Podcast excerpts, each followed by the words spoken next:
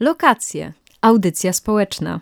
W audycji społecznej lokacji rozmawiamy z Andrzejem Jóźwikiem, dziennikarzem wrocławskim, lokalnym. Tutaj cię pewnie e, słuchacze, mieszkańcy znają e, z Radia Wrocław e, czy z telewizji Wrocław, ale ja tutaj zacznę tak osobiście, bo ja cię poznałem przy okazji projektu Nakręcenie Maślicami. Wtedy ja też składałem projekt mikrograntowy, to był projekt mikrograntowy i wtedy było tak, że się zbierało jeszcze głosy SMS-owe i nagle maślice jak wyskoczyły w górę, bardzo dużo głosów się pojawiło.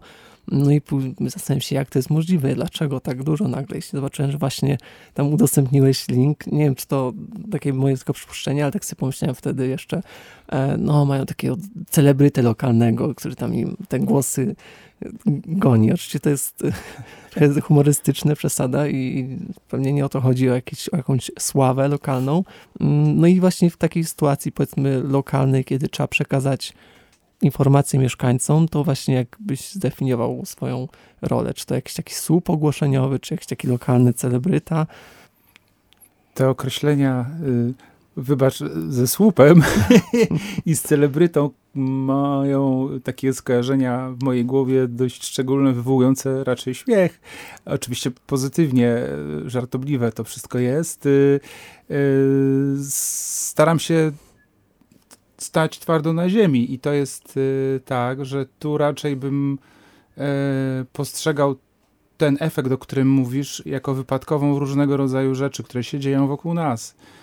Mm, I abstrahując ode mnie, jeżeli weźmiemy dowolną osobę, która w miarę ogarnia swoją lokalną y, rzeczywistość, lokalną społeczność, nie izoluje się, nie stara mm, abstrahować od tego otoczenia, więc robi zakupy w lokalnym sklepie, rozmawia z ludźmi, mm, ma świadomość e, mm, tego, co się wokoło dzieje, ma sąsiadów, to może wejść w tą rolę, którą ty określiłeś, słupa ogłoszeniowego lub lokalnego celebryty. To może być nawet e, taka osoba jak e, pan, który zajmuje się sprzątaniem parafialnego cmentarza, bo wszyscy kojarzą i znają. To może być pani sprzedawczyni w sklepie mm, warzywniaku mm, o nazwie Cytrynka, to może być e, facet, który regularnie biega i kojarzy się z, z fitnessem, to może być proboszcz, to może być e, emerytowany nauczyciel lub e, lekarz, tudzież aptekarz.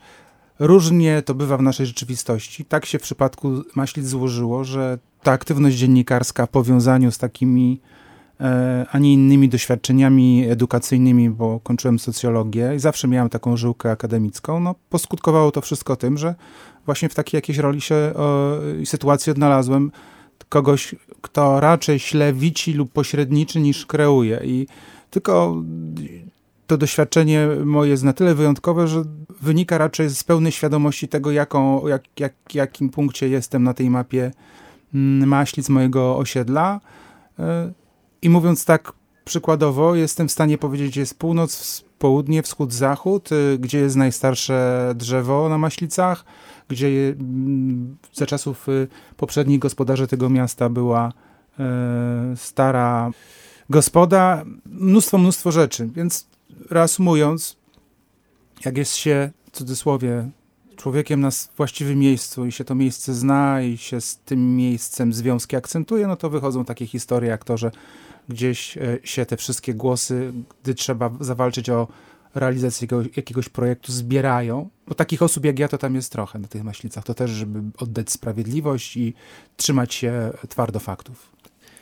To jest bardziej kwestia według mnie praktyczna, żeby w jakiś mhm. sposób dzielić się tymi informacjami e, z sąsiadami, jak z nimi rozmawiać, żeby jakoś jak przekazywać te informacje na osiedlu, no i właśnie jak można tak się najłatwiej skomunikować, jak to działa mhm. na Maślicach? Czy są jakieś punkty na przykład, Wiesz, zbiór, zbiórek, spotkań? Mhm. To na pewno tak, dlatego że znaczy, doświadczenie pokazuje i na, nasza, nasza codzienność, że bez zakorzenienia w tym świecie realnym, nie wirtualnym, które daje złudzenie, że mamy kontakty, y, a potem rzeczywistość się bardzo brutalnie weryfikuje, bo nie ma odzewu na proste, zwykłe, banalne rzeczy w stylu E, prośba o pomoc, e, bądź też takie sąsiedzkie wsparcie. Bez takiego zakorzenienia w realności, w tych codziennych doświadczeniach, to nic się nie uda, więc e, są takie po prostu też miejsca, tak? To jest y, życzliwa koleżanka bibliotekarka, zarazem y, dziewczyna, która działa w, Radzie Osiedla.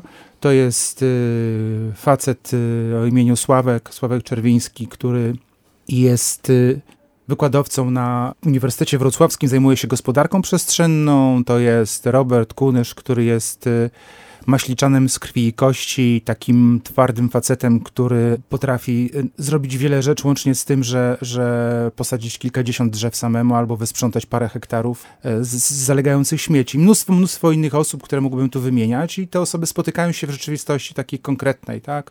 To są pikniki, to, są, to jest ta biblioteka, to jest Rada Osiedla, to jest y, lokalna jakaś knajpka, gdzie możemy usiąść przy kawie i pogadać. Y, to jest po prostu ta przestrzeń maślicka, dość jeszcze różnorodna, aczkolwiek coraz bardziej zabetonowana. Ale istotniejsze w tym wszystkim jednak jest to, y, żeby to wszystko się powiodło, że jest rodzaj dynamiki i takiego napięcia związanego z konfliktami społecznymi. To jest kolejna rzecz związana z socjologią. Jeżeli ludzie się czują wkurzeni czują się pomijani i uważają, że coś się dzieje wbrew ich woli albo są wręcz, bagat- są wręcz ubezwłasnowalniani, to jeżeli mają punkty, gdzie mogą o tym pogadać w przestrzeni tej publicznej, czy też takiej półprywatnej, no to potem zaczyna, zaczynają iść iskry, nie? Tak, ja też mogę to potwierdzić, e, też swojej praktyki, powiedzmy też skończyłem socjologię i właśnie jak e, pracując, znaczy mieszkając na Przedmieście Ławskim, zauważyłem, że, te, tak, że to jest świetny katalizator, mhm. temat do rozmów. Na przypadku Przedmieścia Ławskiego takim tematem jest trójkąt i to, że nie ma tam miasta, że miasto się nie interesuje, że jest taka zła opinia, że już nikt nie chce tam przychodzić. I z jednej strony to jest dość negatywne określenie, ten trójkąt bermudzki, a z drugiej strony wszyscy to kojarzą, wszyscy to znają i wszyscy w jakiś sposób się do tego odnoszą. W większości, na szczęście, e, chcą zmieniać ten wizerunek. Ten konflikt może być szansą faktycznie. Mhm. Tak, ka każda sytuacja kryzysowa i konfliktowa zawiera taki potencjał pozytywnej zmiany. Oczywiście, jak mowa o konflikcie, to mowa o, też o stronach konfliktu. To jest też e, wyjątkowy sprawdzian, mm, test dla obu stron, mm, bo reakcja jednej ze stron może ten konflikt tylko e, eskalować, a może też e, być pozytywna i suma summarum wychodzimy z tego wszyscy obronną ręką, bogaci się jakieś doświadczenia, jakieś rzeczy, które są pozytywne. W przypadku Maślic tych pozytywnych rozwiązań było więcej, stąd też para nie szła w gwizdek i też nie frustrowaliśmy się jako społeczność czy grupa, bo Oczywiście wolałbym mówić w liczbie mnogiej, nie mówić o sobie, a raczej o pewnym konglomeracie różnych osób, o bardzo różnych doświadczeniach i bardzo różnych y, y, orientacjach, tak bym to ujął, życiowych. I w tym jest też siła.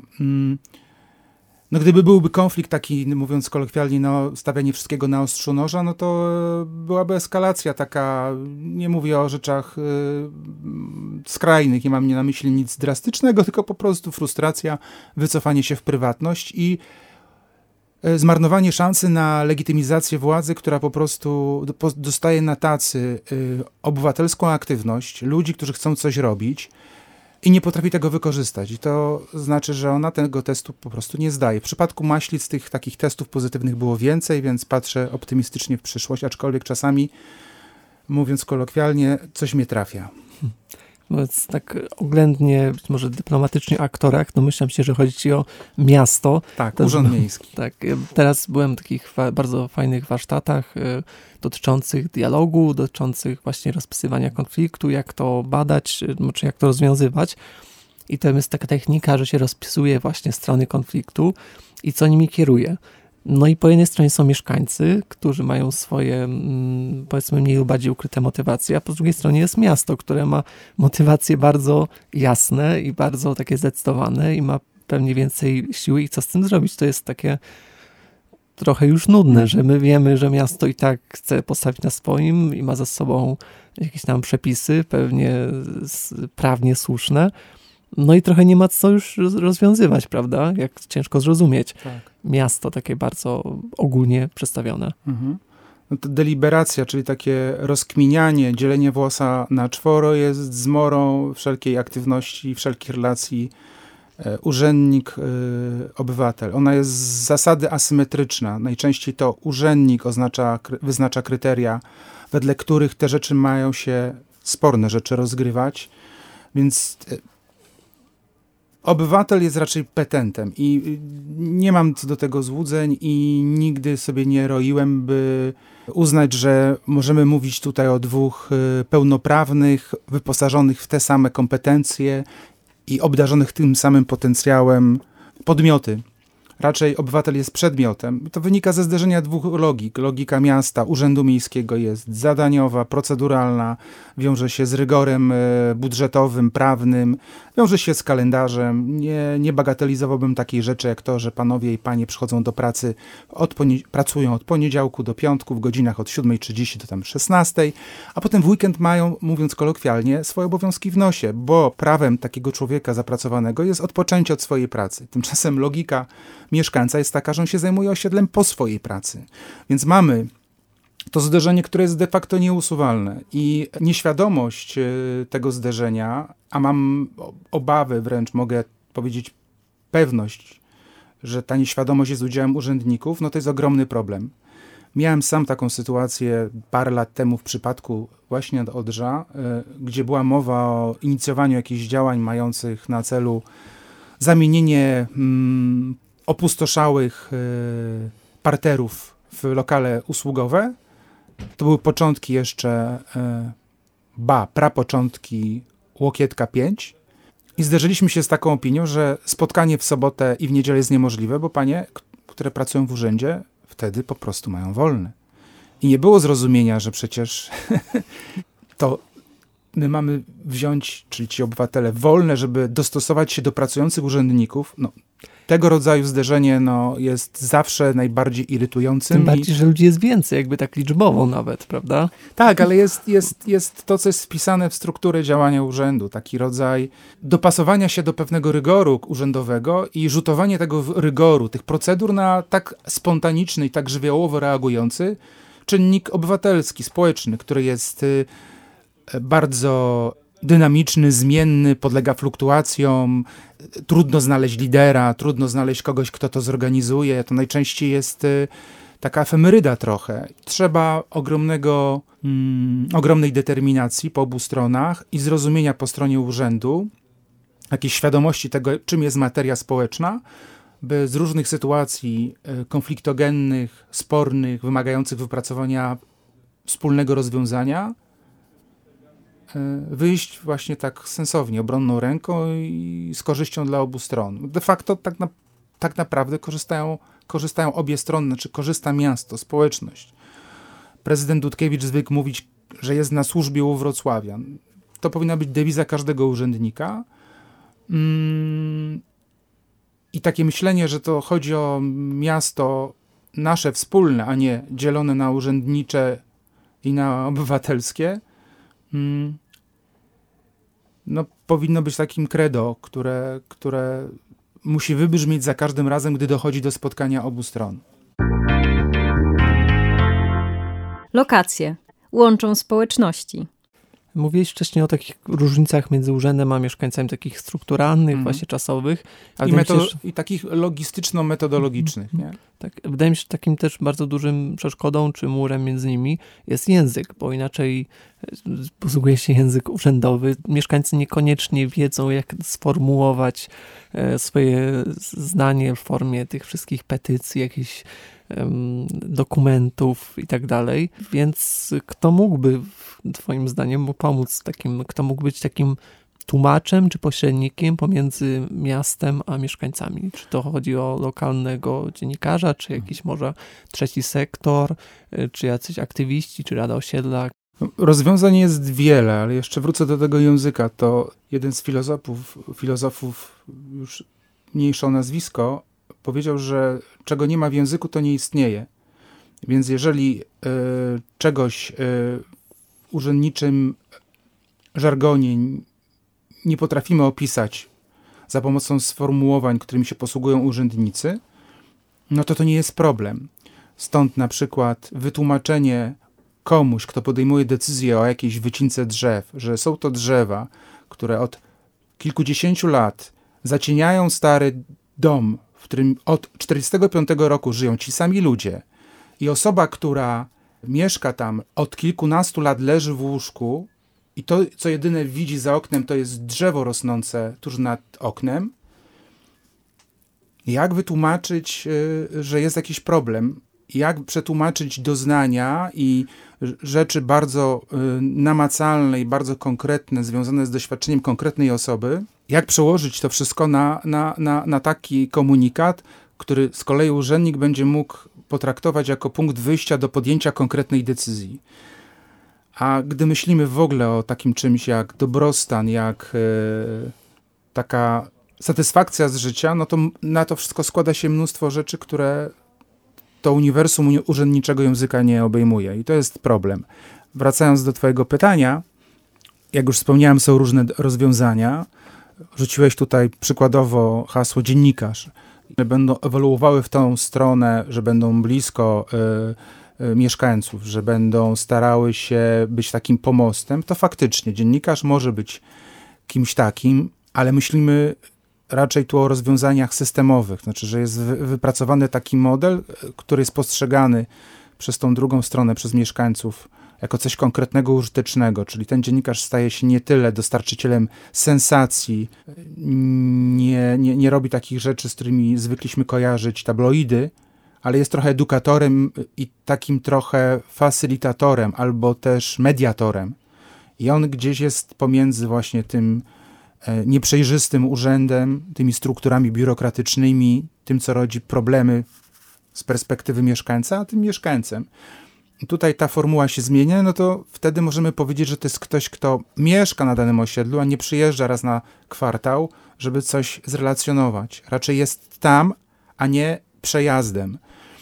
Takie rzeczy się dzieją w niemieckich mediach, y, w, w, za oceanem, w Kanadzie, gdzie jest próba od rewitalizacji, y, reanimacji w ogóle dziennikarstwa, które zostało mocno uderzone między oczy pięścią przez internet i media społecznościowe. Inne rozwiązanie no to są tacy lokalni liderzy. Oni się rodzą w sytuacjach kryzysowych. To się wiąże ze sprawdzaniem konkretnych osób, z ich efektywnością. Dajmy na to powódź, 97 rok, jeżeli się nie mylę. Tak, tak wykreowała trochę takich liderów, bo okazało się, że są sytuacje, kiedy trzeba się odwołać do kogoś, kto potrafi krzyknąć, kto potrafi zorganizować grupę ludzi, kto potrafi e, wprowadzić porządek tam, gdzie jest chaos i rozgardiasz. I to lokalni liderzy, tacy właśnie powodziowi, e, no, zdali jakiś tam egzamin. I do tego rozwiązania warto byłoby nawiązać. Inny przykład, Europejska Stolica Kultury. Mikrogranty. Z tych mikrograntów analizując ich do, te dokonania w tych ramach, można byłoby wyłowić konkretne osoby, pewnie tak też zrobiono, które wykazały się sporą operatywnością i aktywnością, no i wdrożyć ich w to. Znaczy, potem kończy się ta fiesta, to święto, a ci ludzie zostają z doświadczeniami, z kontaktami, z nabytą wiedzą, z, z jakąś taką e, operatywnością. Po prostu trzeba ich zaangażować to jest kolejny, kolejny y, y, y, model, więc jest dużo. Tylko pytanie, czy chce się coś takiego stworzyć, bo to wymaga chociażby czegoś takiego jak stworzenie jakichś pośrednich poziomów organizacji.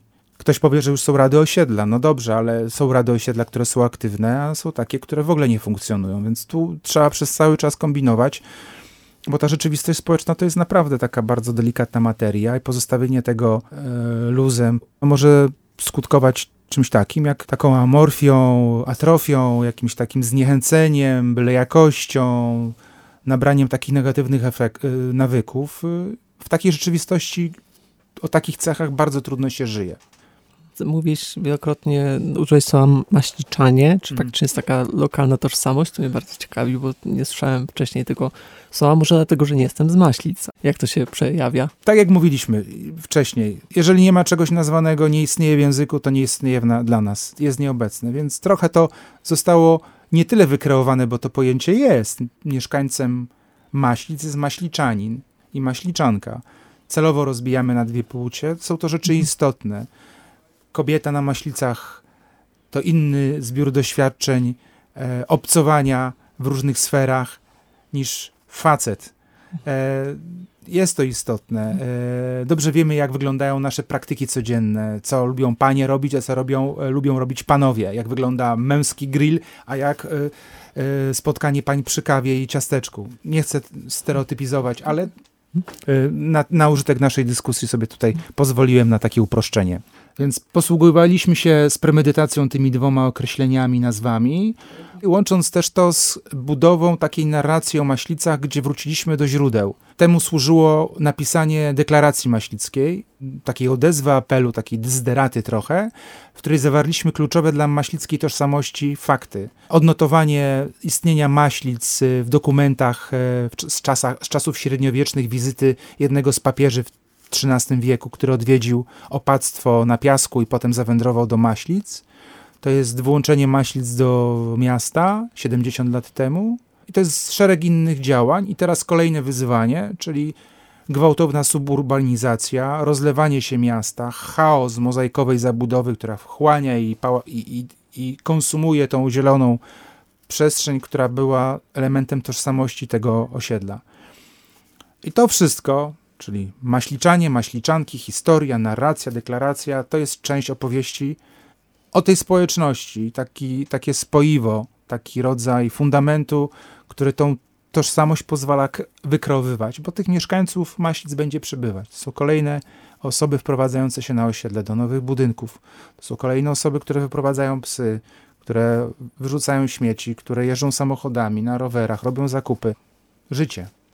Ja tam słyszę taką metaforę sportową, że wszyscy gramy w jednej drużynie, że jesteśmy masiczanami czy masicztankami. Tak. E, zakładamy te same koszulki jak drużyna i działamy, gramy do jednej bramki. Tak, Więc tak. może to jest taka szansa na stworzenie jakiejś e, fajnej, pozytywnej mody na bycie masiczaninem i masiczanką. To, to jest wzorzec, to jest stan oczekiwany i pożądany w każdym, na każdym osiedlu i tu, tu Maślice są tak egzemplifikacją, przykładem i pewnie jest miejsc w Polsce więcej, na pewno jest więcej, gdzie to się dzieje, zwłaszcza na polskiej wsi. Tam mamy taki pozytywny ferment. Jeżdżę po polskiej wsi z kamerą, odwiedzam różne miejsca. To, to jest niebotyczny, niebywały w wielu miejscach skok cywilizacyjny, kulturowy, obyczajowy.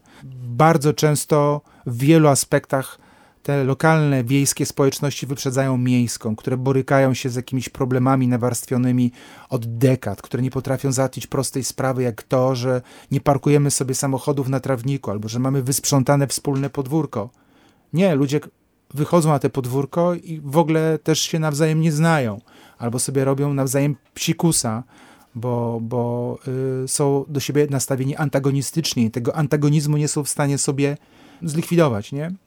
Więc y, ten model takiego funkcjonowania na swoim osiedlu po to, żeby można było naładować akumulator, odpocząć, by móc wieść normalne, fajne życie, to jest model uniwersalny, nie tylko związany z Maślicami i dotyczy każdego obszaru miasta. No na Maślicach to wiąże się z jak już wcześniej zauważyłem, z jakiegoś rodzaju konfliktem, wyzwaniem, który był motorem do działania. No i może dlatego to jest jakieś takie wyjątkowe i tak rzuca się w oczy. Lokacje, miejsca spotkań. Pamiętam twoją rozmowę z Przemkiem Witkowskim, który mhm. mówił, że tutaj fajnie jest w Wrocławiu, ale wszyscy wyjechali do Warszawy i już w Warszawie tam się dużo rzeczy dzieje. To też byłoby fajnie, gdyby zostali ci aktywiści, żeby to nie było takim tylko katapultą, prawda?